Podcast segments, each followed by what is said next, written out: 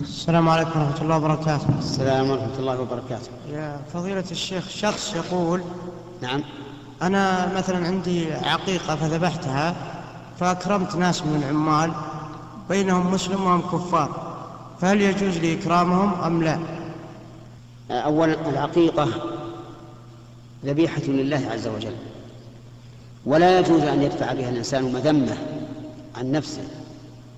ولا أن يجلب بها لنفسه مصلحة. فإذا كان قد أكرم بها العمال من أجل أن يزيدوا في عملهم وينصحوا له فهذا لا يجوز. أما إذا أكرم العمال بها لأنهم فقراء فهذا لا بأس به سواء كانوا مسلمين أو غير أو غير مسلمين. وسواء كان معهم مسلم أم لم يكن.